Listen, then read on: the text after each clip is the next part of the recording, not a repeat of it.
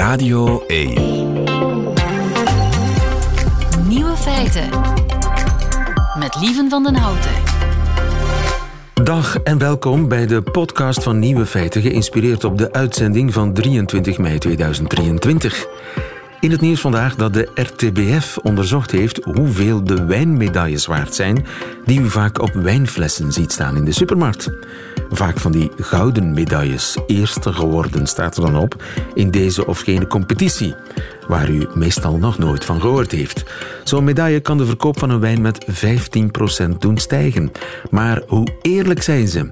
De RTBF zocht het uit. Ze kochten een fles wijn voor 2,5 euro, plakten er een nieuw etiket op met een nieuwe ronkende naam en stuurden hem in voor de wijnwedstrijd Gilbert et Gaillard. Met een briefje erbij waarop stond hoeveel alcohol en hoeveel suikers er in de wijn zitten. Alleen, die data klopten niet. Het waren de data van een veel betere wijn. En na enkele dagen kwam het verlossende resultaat. De slechte wijn van 2,5 euro had gewonnen. Niet omdat hij zo goed is, want een sommelier had speciaal een zo slecht mogelijke wijn uitgekozen, maar omdat veel wijnwedstrijden geld vragen voor een inschrijving en zo meer op een business lijken dan op eerlijke competitie. Weer wat geleerd. De andere nieuwe feiten vandaag. Voor het eerst in 200 jaar is er in West-Vlaanderen een wolf gesignaleerd. Dit weekend vindt in Wachtebeke het Nerdland Festival plaats onder leiding van Hetty Helsmoortel en Lieven Scheire. Rien Emery checkt of het waar is dat in Diest gratis kippende afvalbelt doen krimpen. En Juri Kortens gaat in de Kempen op zoek naar parende veldkrekels. De nieuwe feiten van Jovan Castiel die hoort u in haar middagjournaal. Veel plezier. Jan Loos, goedemiddag. Goedemiddag. Jan, Loos van Welkom Wolf, het is een hoogdag voor jou, neem ik aan. Want, wij hebben het net gehoord in het nieuws ook, in West-Vlaanderen is de eerste wolf in 200 jaar aangekomen. Dat klopt. En als je dan als vereniging Welkom Wolf heet, dan word je geacht daar blij mee te zijn natuurlijk. Uh, ben je daar niet echt blij mee? Jawel, tuurlijk wel. Uh, het stond ook in de sterren geschreven dat dit zou gebeuren. Hè. En het ziet er ook naar uit dat die wolf vanuit Frankrijk is komen aanlopen, aangezien die op de Franse grens is meteen is gespot. En dat was eigenlijk ook de verwachting dat de eerste wolf in West-Vlaanderen eerder uit Frankrijk zou komen dan uit Nederland of Duitsland of ons eigen Limburg bijvoorbeeld. Ja, en zijn we zeker dat het een wolf is en geen grote hond? Ja, het was ook ons eerste eigen gedacht van verdorie, het is toch weer geen lookalike, want er zijn dus wolfhonden onder andere die zeer goed op wolf lijken. Maar we hebben onafhankelijk van elkaar een video en foto's ontvangen van twee verschillende waarnemers en met name die foto's lijken toch echt wel overtuigend. We hebben meteen ook nagetrokken of er um, uit de, de dierentuinen uh, geen wolf kon ontsnapt zijn, want er is met name in de zonnegloed vlakbij zijn Oekraïense wolven opgevangen, maar die zitten nog netjes in een kooi. Um, dus nee, dit lijkt echt een wilde wolf. Een wilde wolf. En ben je al ter plaatse gaan kijken? Nee, wij zijn wel onderweg richting West-Vlaanderen. Jullie zijn onderweg? Om de... Oh, ik hoop, ik hoop dat de lijn niet uitgevallen is.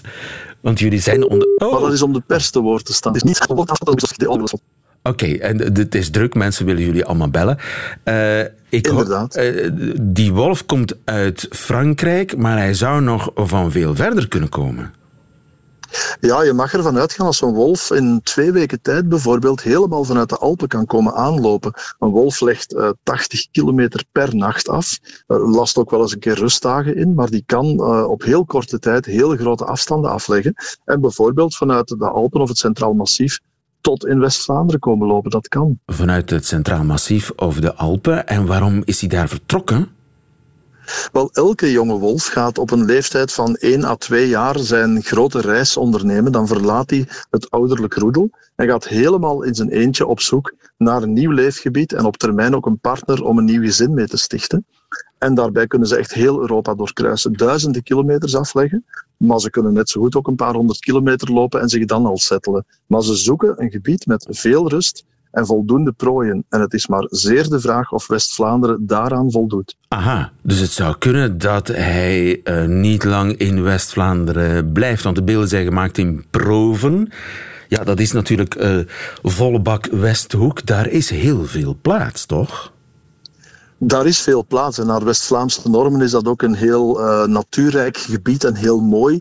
Maar of de wolf daar ook zo over denkt, dat is maar de vraag. Uh, wolven hebben een enorme ruimtebehoefte. En dan denken we al snel aan uh, eh, 10.000 hectare kernnatuur met daaromheen minstens nog eens dezelfde oppervlakte landbouwgebied of, of ander gebied. En dan spreken we over ja, 200 vierkante kilometer, 300 vierkante kilometer, 400 vierkante kilometer. Dan ben je al snel aan een halve provincie aan het denken. Ja. En of er een halve provincie West-Vlaanderen rustige natuur is, dat is maar zeer de vraag. Ja. En in die natuur moeten ook prooien zitten die hij lekker vindt. Ja, klopt. En dat is het volgende probleem. Wolven leven van uh, vooral reeën, ook haas en konijn, maar hebben ook graag een, een tweede grote prooisoort als een soort van backup. Denk maar aan jonge everzwijnen bijvoorbeeld. En ook die zijn er daar niet. Dus er schort iets aan de rust waarschijnlijk. Uh, en ook nog eens aan het prooiaanbod. Dus je mag verwachten dat dit dier gaat doortrekken. Het zij terug Frankrijk in, het zij de rest van Vlaanderen doorkruisen. Ja, eh, de rest van Vlaanderen, uh, wat, daar is toch nog veel meer drukte? Ja, dus eh, door, dan, daarom zeg ik ook door kruisen. Hè, telkens ah, opnieuw vaststellen dat het niet geschikt is. Want zelfs het meest geschikte wolvenleefgebied in Vlaanderen, namelijk Noord-Limburg, is al bezet door andere wolven. En die wolf gaat daar absoluut niet welkom zijn. Hè. Die, die moet daar zelfs vrezen voor zijn leven. Die gaat daar meteen weggejaagd worden of ah, erger dan dat. Dus uh, die moet dan terechtkomen in de enige andere plekken natuur die echt geschikt lijken voor wolven. En die zitten allemaal op de Nederlandse grens. Uh, of hij loopt gewoon verder. Uh, Zo'n wolf kan perfect vanuit Frankrijk door België naar Denemarken lopen, of naar Duitsland, of naar Jeetje. Polen. Dat kan perfect. Maar niet langs de E40 toch? Uh, dwars over de, of onder de E40 wel. En het is dan te hopen dat die uh, inderdaad uh, onder de E40 doorgaat en niet eroverheen. Ja. Maar zo'n wolf die komt op zijn weg tientallen dergelijke wegen tegen. Komt ook verschrikkelijke hindernissen tegen, zoals het Albertkanaal. Ja, ja. Ook die kunnen hem maar fataal dus worden. Het, het, het, is mogelijk dat die wolf dwars door Vlaanderen gaat.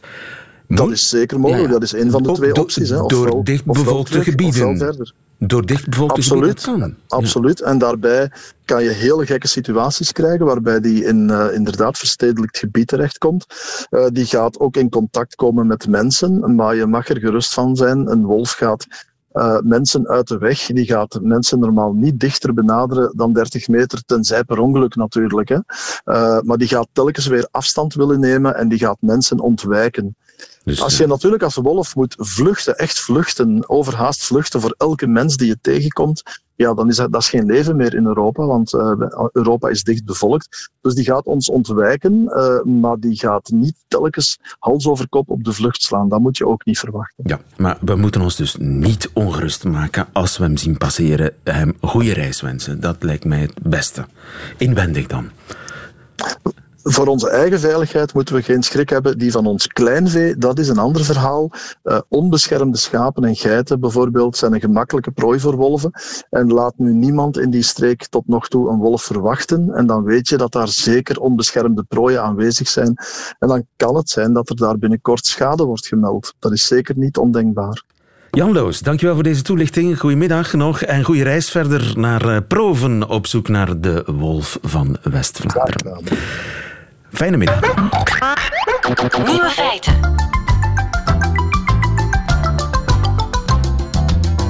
Ik weet niet of hij hier geboren is, maar hij gaat in elk geval dit weekend terug naar Wachtebeke. Lieve Scheire, goedemiddag. Uh, goedemiddag. Ben je ben, geboren in Wachtebeke? Ik ben geboren in het moederhuis in Zettemansberg, waar ik nu toevallig op 200 meter vandaan woon. Maar ik ben wel onmiddellijk uh, naar de beschaving gebracht in Wachtebeke natuurlijk. Ja. ja. En uh, welkom ook Hetty Helsmoortel. Dag lieve, goedemiddag. Jij gaat met hem mee naar Wachtebeke. Ja, ja, ik moet, ja. Terug naar Wachtebeke, zo zou het eigenlijk kunnen noemen, jullie festival. Maar het heet het Nerdland Festival. Nerdland Festival in Wachtebeke op het domein Puienbroek. Uh. -huh. Waar ik ook geweldige jeugdherinneringen aan heb. Meer bepaald de, hoe heet dat? De pedaloos. De pedaloos. Ja, ja, ja, ja. Van die trap, trapbootjes. Ja, die liggen er nog steeds. Echt waar? Ja, ja. Dezelfde waarschijnlijk. Dat zou goed kunnen, ja. Maar jullie gaan een soort uh, werchter, wetens, wetenschapswerchter is het eigenlijk. Wat is het? Ja, een, uh, een wetenschapsbelevingsfestival, zeg ik altijd. En het is een beetje het festival waar wij graag naartoe zouden geweest zijn, uh, uh, vroeger en nog steeds. Dus um, alles is festivalsfeer. Eh, een grasweide in de zon, ehm, pintjes, hamburgers. Maar in de tenten speelt geen muziek, maar zijn wetenschappelijke talks en demo's. Eh, mensen die komen vertellen over hun onderzoek. Ehm, heel veel doestandjes ook, waar dat je zelf dingen kan gaan doen. Robotjes besturen, drone, voetbal spelen, allemaal dat soort dingen. Wauw. Ja. En waar kijk je het meest naar uit, Hetty? Oh, er is zoveel waar ik naar uitkijk. Ehm, misschien wel de show over... Ah, dat is zo moeilijk. Er zijn 200 shows en activiteiten. Ah, nu moet ik in kiezen. Het schijnt dat Frank de Bozere ook komt optreden. Ja, wel. wel Daar ga kijk dan- ik naar uit. Ik ga dan dat pakken. Ja, Ja? dat is tijdens Zijn er nog vragen? Dat is een, eh, een show voor kinderen voornamelijk, waar Lieven en ik samen het podium opkomen. En het eerste en ook enige wat wij vragen is, zijn er nog vragen? En dan gooien wij een microfoon in het publiek en alleen kinderen mogen vragen stellen. Lieven heeft dat blijkbaar één keer voor volwassenen gedaan, zo'n show, en dat is vreselijk. Ja, die stellen hele saaie vragen over eh, eh, het energiebeheer in Vlaanderen en zo. En hoeveel kilowattuur, hoeveel megawattuur denkt u dat er? Dan denkt hij, ja stop, geef Oei. de micro maar aan een kindje. Dan gaat hij vragen waarom vogelkak wit is, bijvoorbeeld. En?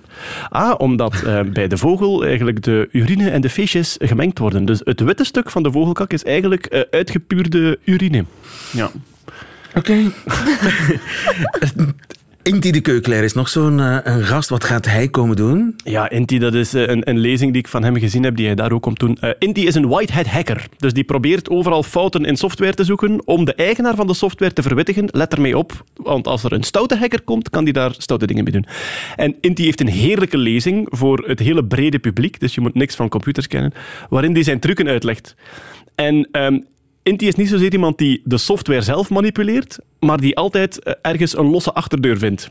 Een voorbeeldje. ehm, ehm, een paar jaar terug had hij op een eh, webshop ehm, een eh, st- store credit van 9 miljoen euro samengegrabbeld. Wat had hij ontdekt? Die webshop verkocht op een, op een bepaalde actiedag met 10% korting. Maar je kon daar ook waardebonnen kopen van 100 euro. En die kon je dan kopen aan 90 euro. Maar dan heb je een waardebon van 100 euro. En als je dat een paar keer doet, heb je 900 euro. En dan kan je eigenlijk 100 waardebonnen kopen voor 900 euro. En zo heeft hij eigenlijk, ehm, door te beginnen met 90 euro, heeft hij met waardebonnen van 100 euro ehm, met 10% korting nieuwe waardebonnen gekocht, waardoor hij telkens een klein beetje winst maakte. Heeft hij een computerprogramma geschreven dat dat automatisch doet. En op het einde van het weekend had hij 9 miljoen euro store credit. En dan heeft hij gebeld, krijg ik ze of niet? En ik denk dat hij een cadeautje gekregen heeft. Want hij is een white hat hacker, dus hij geeft altijd alles terug. En hij zegt zelf waar de fout in de software zit. Maar ja, dat soort dingen vindt hij. Die heeft ooit... ehm, je hebt zo ge- geheime documenten van de FBI die vrijgegeven worden met stukken die in het zwart weggedaan zijn. Inti heeft ooit ontdekt, op het wereldkampioenschap hacken in Las Vegas, dat een van die FBI-documenten ehm, die zwarte balkjes daar gewoon overgezet hadden in Word. En hij heeft op undo geduwd. En heel die tekst is verschenen. En zo heeft hij het WK hacking in Las Vegas eh, gewonnen, eigenlijk. Respect. hè, Ja, ja, ja. Inti, Inti is een, een, een nationale held eigenlijk. Hetty, jij geeft toch zelf ook wetenschappelijk verantwoorde conferences? Eh, ja. Dat, ook op eh, Nerdland? Ja, klopt. Ja. Waar- waarover ga je het hebben? Wel, Lieven en ik presenteren samen acht shows. Ehm, vier daarvan zijn, zijn grote talkshows met een live band met, met eh, heel veel gasten. Ehm, eentje daarvan, waar ik, ik kijk naar allemaal uit, hè, maar eh, diegene rond buitenaard, zo hebben we ze genoemd. En de buiten staat tussen twee haakjes, omdat we het ook over aardse dingen zullen hebben. Eh, ja, daar kijk ik wel, wel enorm naar uit. Ehm, in die voorbereiding daarvan, en je belt dan ook al die, al die gasten op en die vertellen dan dit soort dingen, hè, wat Lieven ook net zei. Iemand komt er praten over, over zonnestormen, bijvoorbeeld. Onze zon die barst constant uit. Er worden constant hoog energetisch geladen deeltjes onze richting uitgestuurd. En wij merken daar niets van. Wij merken dat onder andere in het poollicht. Dat is, dat is Ah, ja, ja, ja, ja, ja. één eh, effect daarvan. Maar ook, eh, dat kan ook radiofrequenties storen. Eh, er is zoiets als een ruimteweerbericht dat elke dag wordt Eindelijk weten we waarom wij al die problemen hebben ja, bij maar dat Radio is, 1. dat is zo. Ja, niet alleen Zonnestorm. Radio 1. Ja, onder andere. Ik heb hier gehoord op de VRT dat er wel rekening mee gehouden wordt. Echt waar? Echt waar. Echt waar. Bij piloten ook. Die, die, ja, die moeten dat in de gaten houden, omdat ze dan soms een half uur geen, geen verbinding meer hebben met, met de controletoren of met elkaar. Dat zijn relatief kleine effecten die makkelijk op te lossen zijn als je weet dat ze eraan komen. En maar hoe vaak stormt het op de ja, zon? heel regelmatig, hè, op dagelijkse basis. Maar dat zijn Ja. kleine stormen. De zon barst constant Ja. uit in allerlei richtingen en wij zitten pas in de problemen als die, recht naar, als die zonnevlam recht naar de aarde Ja. gemikt is. Dat is, eh, dat is het risico. En dat is dan pech, gewoon. Maar, Maar- het gebeurt wel om de 100 jaar één keer eh, dat dat gebeurt. Ja. Ja, dat er een hele, hele erge is. Ja. Ja. op, op dagelijkse basis zijn er kleinere uitbarstingen. Maar zo statistisch gezien, om de 100 à 200 jaar is er een die een keer half Quebec platgelegd heeft. Die eh, in, in de jaren 1800 de hele telegraaf eh, platgelegd heeft. En ze zijn er eigenlijk een beetje bang voor op dit moment. Omdat Hoe men- lang is het geleden, de laatste? Ja, ja grote? van 89 denk ik. Dus Sava hebben we nog even. 89 was, was oké. Er Ja. is Eind 19e eeuw is er een hele zware geweest met Noorderlicht tot in Rome. Ja. En toen zijn de telegraaflijnen in eh, Noord-Amerika in brand geschoten. Gewoon door de, de geladen deeltjes die er langs kwamen. Dat kan dus. Als iets van die orde vandaag gebeurt, dan valt alle elektriciteit uit, dan storten er satellieten neer, dan worden harde schijven gewist die niet beschermd zijn enzovoort. We zijn daar niet op voorbereid. Nee, Niet. En dat is het, het hele ding. Dat was in 1859 trouwens. Dus ja, het, 1859. Ja, tel maar uit, hè. Ja, Oké, even eh, helemaal praktisch. Dus het is het hele weekend, hè? ja, ja. Vrijdag, vrijdag al? Vrijdagavond hebben we eh openingsshow. Hetty doet een show over chemie Ja. voor haar nieuwe chemieboek. Eh, ik doe mijn show over artificiële intelligentie. En dan zaterdag en zondag zijn echt de festivaldagen. Hè. Ja. Dit weekend in het wonderschone Puienbroek Zeker. in Wachtenbeek. Mag ik jullie heel veel succes wensen. En ik kom Dank je zeker wel. kijken. Dank u. Radio 1. Nieuwe feiten. Viraal op TikTok tegenwoordig Belgische kippen. A city in Belgium offered three chickens per household to anybody that wanted a chicken. They had 2,000 families raise their hands says, yeah, we'll take three chickens. So they got 6,000 chickens, distributed them through this, this city. First month, it dropped 100 tons of food waste to the landfill. Wauw, een Belgische stad die zou aan elke inwoner drie kippen hebben aangeboden, zegt dit filmpje. En in de eerste maand zorgde dat voor 100 ton minder huishoudelijk afval op de vuilnisbelt. Klopt dat verhaal of is dat weer dikke zever?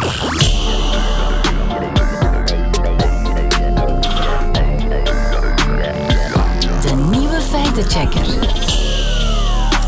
Rien en Marie, goedemiddag. Enthousiaste Amerikaan over een Belgische kippenactie. Is die kippenactie, waar, waar vond die plaats? Volgens, volgens die, dat Wel, is toch iets over dat filmpje. Dat is dus al jaren, een aantal jaren, dat dat filmpje telkens opnieuw viraal gaat met dat verhaal over Belgische kippen. Eh, Vorige, vorige week of twee weken geleden opnieuw miljoenen views op TikTok. Heel veel verschillende filmpjes van mensen die dat monteren, boven allemaal rondscharrelende kippetjes. eh, beelden Om de zoveel tijd komt dat terug, dat verhaal. Om de zoveel tijd komt dat terug. Ehm, dus ik was super eh, geïnteresseerd om te weten, klopt dat wel? Ehm, en het is gedeeltelijk waar. Ja, dat, dat moeten we zeggen. Er Gedeeltelijk zijn waar. ooit gratis kippen bedeeld. Ja, meer nog, dat gebeurt eigenlijk vaker dan dat je denkt. Aha. Specifiek dit, dit fragment komt van een ehm, Amerikaanse boer slash influencer, Joel Salatin heet hij. Hij noemt zichzelf de Lunatic Farmer. En hij is een soort eh, ja, propagandist voor eh, lokale organische landbouw. En hij eh, komt vaak met dat verhaaltje over die Belgische kippen op de proppen. In dit geval was het een interview in de talkshow van Joe Rogan. Ja. Een bekende talkshow. eh, Want hij wil eigenlijk heel Amerika aan de kip krijgen. Hij wil Amerika aan de kip krijgen en hij heeft dus eh, inspiratie gevonden in België. Meer bepaald in een, eh, een passage in een boek van een medestander van hem, die een boek had geschreven, City Chicks. En daar stond een verhaal in dat al dateert uit 2005. Aha. Want toen, daadwerkelijk, heeft de stad Diest... twee- Diest? Diest, dat is het, ja. De stad Diest heeft 2000 kippen uitgedeeld, gratis, aan gezinnen die er eentje wilden. Dus dat klopt. Was eigenlijk 6000 kippen aan 2000 gezinnen. Dat klopt, dus dat is helemaal juist. Dan is er natuurlijk de vraag, klopt het dat er, dat er daardoor 100 ton minder afval moest opgehaald worden? Binnen de maand. Binnen de maand. En dat, daar, zit het, daar zit het foutje in. Want een kip kan wel degelijk op een jaar tijd, gemiddeld, een gemiddelde kip die je houdt bij, in je tuin, kan ongeveer 50 kilo groenten en tuinafval en keukenrestjes verwerken. Dat kan, kan als, als, als hij het goed doet. Ja, maar, Ehm, maal- maal maar ja, 50 maal 6000. 6000, 50 50 gedeeld door 12 maal 6000 kom je nooit aan 100 ton. Hè? Maar Ehm, toch eh, iets minder, maar toch nog behoorlijk veel. Toch nog substantieel. Maar er is ook een probleempje, want niet alle kippen hebben het toen overleefd. Ja, ja, kippen gaan dood, hè? Wel, het waren kippen die kwamen uit eh, legbatterijen die daar eh, afgeserveerd waren, omdat ze te minder, ei- ja, minder eieren begonnen leggen. Dus die waren gered door de stad Diest en uitgedeeld aan, aan de burgers. Ehm, maar die waren niet gewend, niet gewoon van eh, ja, gewoon keukenrestjes te eten. Die kregen allemaal dierenmeel, de fabriek. Plus, niet iedereen had ook een kippenhok voorzien. En het was in april 2005 en er zijn een hoop kippen doodgevroren toen.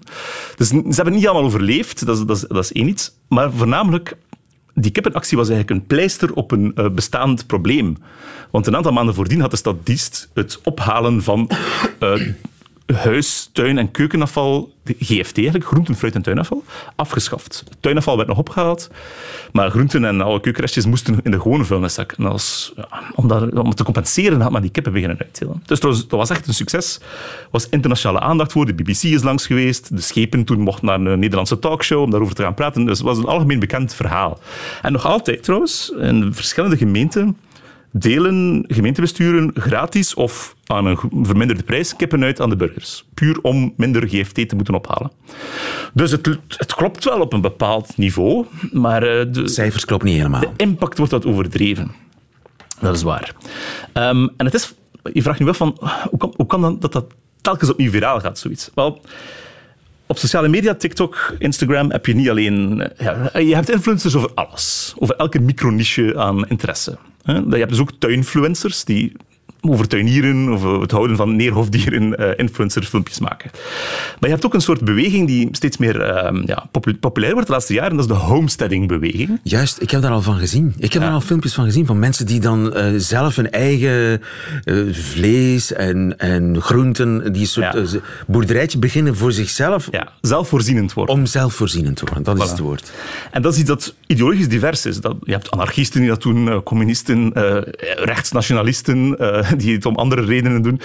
Eh, en dus ook die eh, libertaire mensen die zeggen van ik wil niet afhangen van de overheid, ik ga echt voor mezelf zorgen. Dus je hebt heel veel verschillende invalshoeken om tot die homesteading te komen.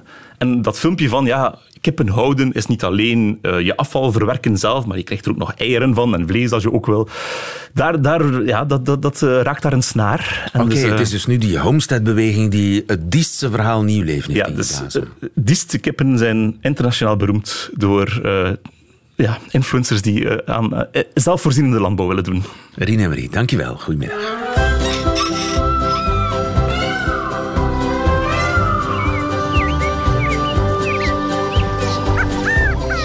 Juri Buiten. Met Juri Kortens. Ja, en hij eh, liet het zich in twee keer zeggen op deze prachtige 23e mei. Juri, waar ben jij? Tof, hè? Ja? Het lijkt wel of ik ergens in, Frankrijk of zo zit, maar ik zit gewoon in onze ja, prachtige campen. Eh, het, is een, het is een brakeliggend terreintje, vlak naast een industriegebied, maar ook vlak naast een militair domein. Eh, en hier zitten nog veldkrekels. Ik hoor En het. Die wou ik wel eens laten horen. Ja. En die zitten alleen in de camper nog. Eh, grotendeels wel, want het is, zo, het is zo een diersoort die ja, heel warm, heel veel warmte graag heeft. Dus warme bodems. En dat wil zeggen dat daar niet te hoog gras mag opstaan. Dat moet nogal kort zijn. En omdat die bodems heel voedselarm zijn en droog, eh, wordt het ook wel warmer. En dus kan je dus hier ook die veldkrekels vinden. Er zijn nog een paar plekjes voor de rest in Vlaanderen. Dat zijn dat vooral de zandstreken. Bijvoorbeeld in Oost-Vlaanderen heb je zo wel een plekje. Maar dat is heel beperkt. Is vooral Antwerpen en Limburg. Zijn het drukke tijden voor de krekels? Het zijn heel drukke tijden. Het gaat over de veldkrekel. En, eh, en die veldkrekel dat is, die heeft heel de winter eigenlijk in winterslaap in een holletje onder de grond doorgebracht. Die was nog niet volwassen en die heeft zich nog twee keer eh, verveld. Die heeft twee keer nog van pak veranderd. Die is wat groter geworden. En nu is die dus wel volwassen. En in de maanden mei en juni, eh, dat zijn de typische maanden voor de veldkrekelconcerten. Ja, en daar ben jij nu van aan het genieten. Ja, ik ben ervan aan het genieten. En het, het zijn de mannetjes mannetjes die dat doen. Eh, het zijn de mannetjes die zingen om een vrouwtje. Eh, en, en ze doen dat niet zomaar, zomaar in het veld. Ze hebben daar een speciaal holletje voor gegraven. Eh, en voor dat holletje hebben ze ook een klein beetje gras weggeknabbeld. Dus een soort van kleine pelouse, een gazonnetje, waar dat ze op gaan zitten. En, en, en daar, zitten zij dan, ja, ja, daar zitten zij dan eigenlijk met hun achterste naar buiten. Jeetje. Eh, en met hun vleugels trillen ze dan en maken ze dat geluid. Eh, Don't try this at home. Fuck. Ik denk dat er, dat er heel snel eh, politie aan de voordeur zal staan.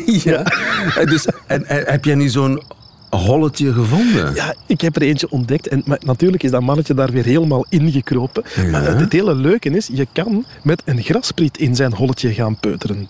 En dan bedoel ik effectief zijn huis. Eh, en ik ga dat eens even doen, want dan komt hij daar misschien uit. Voorzichtig. En ja, ja, ja, dat is, je, ik heb er eentje uitgetrokken en dan... Ja, ja, daar komt hij. Ja.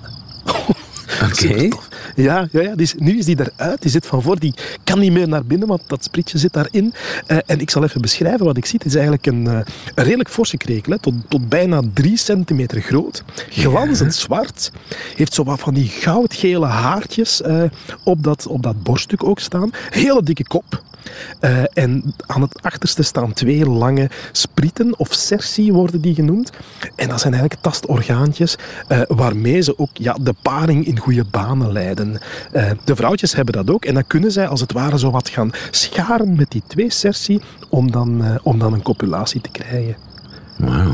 En daar kunnen we Ja, ook nog tuigen van zijn, wie weet. Ja, dat, ja, ik weet het niet, want deze is nu wel een beetje gestresseerd. Maar ik ga een beetje verder, want eh, er zit er nog eentje volop te zingen. En als ik maak, dan, eh, dan gaan we die misschien net iets beter kunnen horen. Ja. Oh, kijk. Ja, dat is hem. Dat is een soloconcert voor... Dat, dat is een soloconcert voor een vrouwtje. Ja, ja, ja, ja. En als er dan een vrouwtje in de buurt komt, dan, eh, dan, ga, dan ga je dat plots dat gaat dat veranderen. Dan komt daar een, een ander soort van geluid komt daarbij. Het gaat wat sneller, het gaat wat spender worden. Eh, en dan ja, ja, probeert hij haar mee te lokken in zijn mancave. Of in ieder geval eh, op de stoep van zijn mancave gaat dan die paring plaatsvinden. Oké. Dat is het. Dat, dat is dat geluid van die... eh dat, dat getjik. Ah ja, dus je hebt niet alleen het, het gepiep, piep, piep, maar ook een soort eh, ja, gezoem. Ja, Een ja soort, ge- eh, ge- geratel. Geratel, ja, geratel, daar kan je het beste mee vergelijken. En dit is eigenlijk auditieve krekelporno. Ja, ja, dat, is, dat is het mannetje die het vrouwtje aan het verleiden is. Zij is nu vlak voor zijn, eh, voor zijn huisje, zit zij ook. En dan draait hij daar rond als een, eh, als een opgewonden puppy. En probeert hij haar te verleiden op die manier. Wauw. En dus eh, dat, dan zit de belangrijkste taak erop voor de krekels. Dan zit het er eigenlijk op. De vrouwtjes die hebben een lange legboor. Dus tussen die, eh, die twee sersie, die twee uit, uiteinden aan dat achterlijf, zit nog een lange legboor. Een en daarmee gaan ze dan legboor? een legboor, ja, ja, ja. En ze gaan die in de grond duwen om daar dan eitjes of eipakketjes in de grond af te zetten. En zo tegen einde juni, dan komen daar kleine mini, mini, mini krekeltjes uit, ongeveer 1 millimeter groot. Eh, en die gaan, dan, eh, die gaan dan groeien in de loop van de zomer, wanneer het het, het warmste is. Ze vervellen telkens, dus telkens worden ze een klein beetje groter en krijgen ze een Ah, dat zijn van die vervellers, zoals die libellen. Ja. Ja, zoals libellen of springkanen, want het zijn ook springkanen, die krekels. Dus die gaan altijd beetje, beetje, beetje bij beetje groter worden. Eh, en dan, eh, ja, tegen het einde van de zomer, dan hebben ze dat ongeveer een keer of negen, misschien zelfs tien keer gedaan. Eh, maar dan wordt het te koud en gaan ze onder de grond zitten om dan na de zomer, ergens zo begin april, terug naar buiten te komen en die laatste vervelling door te maken. En dan zijn ze weer volwassenen. Dus het duurt een heel jaar voor zo'n krekel volwassen is. Ja, maar dat spektakel is dus alleen maar nog in bepaalde streken van Vlaanderen te zien doordat we een te rijke bodem hebben. Ja, ja, ja, over het algemeen te rijke bodem. Het is sowieso een soort van die, die snel opwarmende, droge zandgronden. Maar ook hier wordt het best wel wat moeilijker. Eh, en en dat, dat heeft inderdaad te maken met verrijking. Maar ook gewoon, ja, die stukjes die, die verdwijnen ook regelmatig. Er wordt eens een keer opgebouwd. Er wordt, eh, er wordt van alles mee gedaan. Dus dan krijg je allemaal versnipperde plekjes eh, waar nog krekels zitten. En die krekels die hebben wel vleugels, maar ze kunnen daar niet mee vliegen. Die vleugels dienen eigenlijk alleen maar om ja, te gaan zingen, dat krekelgeluid te maken. En, en dat, dat verspreiden moeten ze dus al lopend doen. Ja, ja. Eh, en als je dan verspreid geraakt en versnipperd geraakt, ja, dan wordt het heel moeilijk om nieuwe gebieden te gaan koloniseren. Ja, en dan krijg je zo van die uh, uitstervingsgolfjes. En als die dan verdwijnt op een bepaalde locatie, dan is die ook weer helemaal weg. Ja. En ik moet tegenwoordig zelf al wat gaan zoeken, want van bij mij thuis ja, is dat toch wel minstens 10, 12 kilometer vooraleer ik uh, de dichtstbijzijnde veldkrekelconcerten kan, kan horen. Wauw, geniet er nog van. In de stad heb je toch ook krekels, maar het zijn andere krekels. Hè? Af en toe hoor je toch... Of Ja, die hoor je ja, ja, minder? Die hoor, ja, je hoort dat wel minder, maar dat is ook een typisch zomersfenomeen. En dat gaat om de huiskrekel. Eh, en de huiskrekel is een beetje kleiner, maar, maar kan ook veel lawaai maken. Nu, de veldkrekel die gaat heel resoluut doorgaan. Hè. Dat, is een, dat is een boerenzoon, die gaat, die, gaat, die gaat ervoor. Terwijl die van de stad een klein beetje bedeesder is. Dus dan gaat dat zo'n beetje... prp. Maar het kan ook wel veel lawaai maken. Het is een typisch zomersfenomeen. En die eh, huiskrekels die komen vooral uit ontsnappingen van eh, ja, kwekerijen voor ja, voeding, voor, voor bijvoorbeeld hagedissen en, en dat soort van reptielen die mensen wel houden. En dus je kan die krekeltjes wel kopen in dierenspeciaalzaken. Die ontsnappen dan bij mensen en gaan dus ja, in de steden eh, de boel op stel te zetten. Maar ik vind het in ieder geval een geweldig fijn geluid. Want zelfs in de stad lijkt het dan plots dat Ja, je toch weer Provence. in, Ja. in het zuiden of van ja, Provence zit bijvoorbeeld. Ja. Geniet er nog van, Jurie Kortens. Dankjewel. Goedemiddag. Ga ik doen.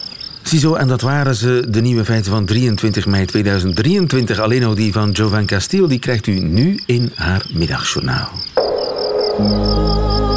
Nieuwe feiten. Middagjournaal.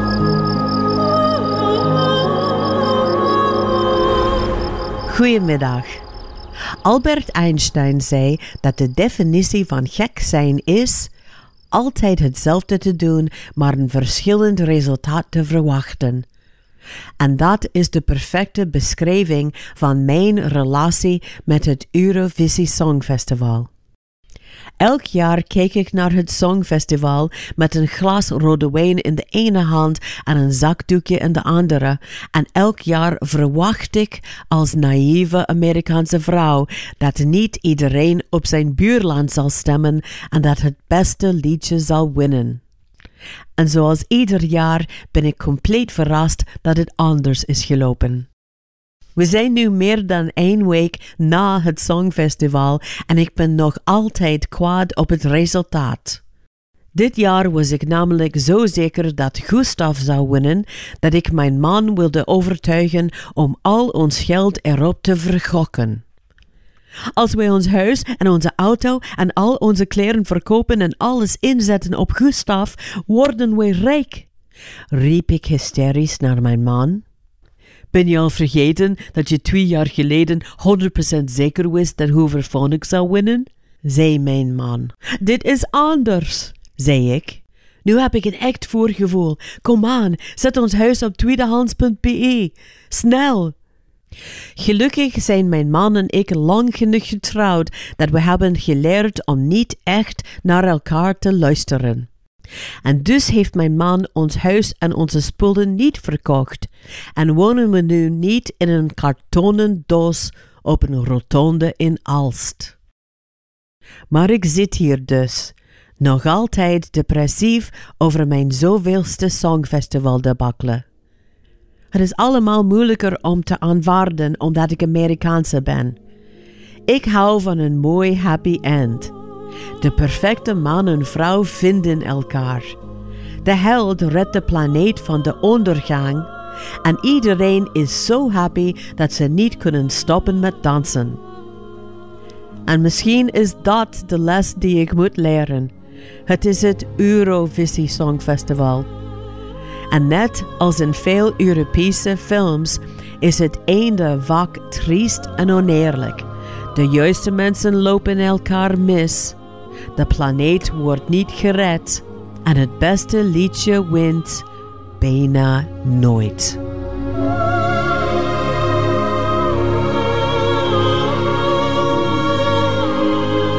A lesson learned. Jovan Castile, de Amerikaanse Vlaamse Ardennes, zoals ik haar eh, eigenlijk mag noemen. In het middagjournaal. Einde van deze podcast. hoort u liever de volledige uitzending van Nieuwe Feiten. Dat wil zeggen, met de muziek erbij. Dat kan natuurlijk live elke werkdag. Tussen 12 en 1 op Radio 1 of on demand via de Radio 1 app of website. Tot een volgende keer.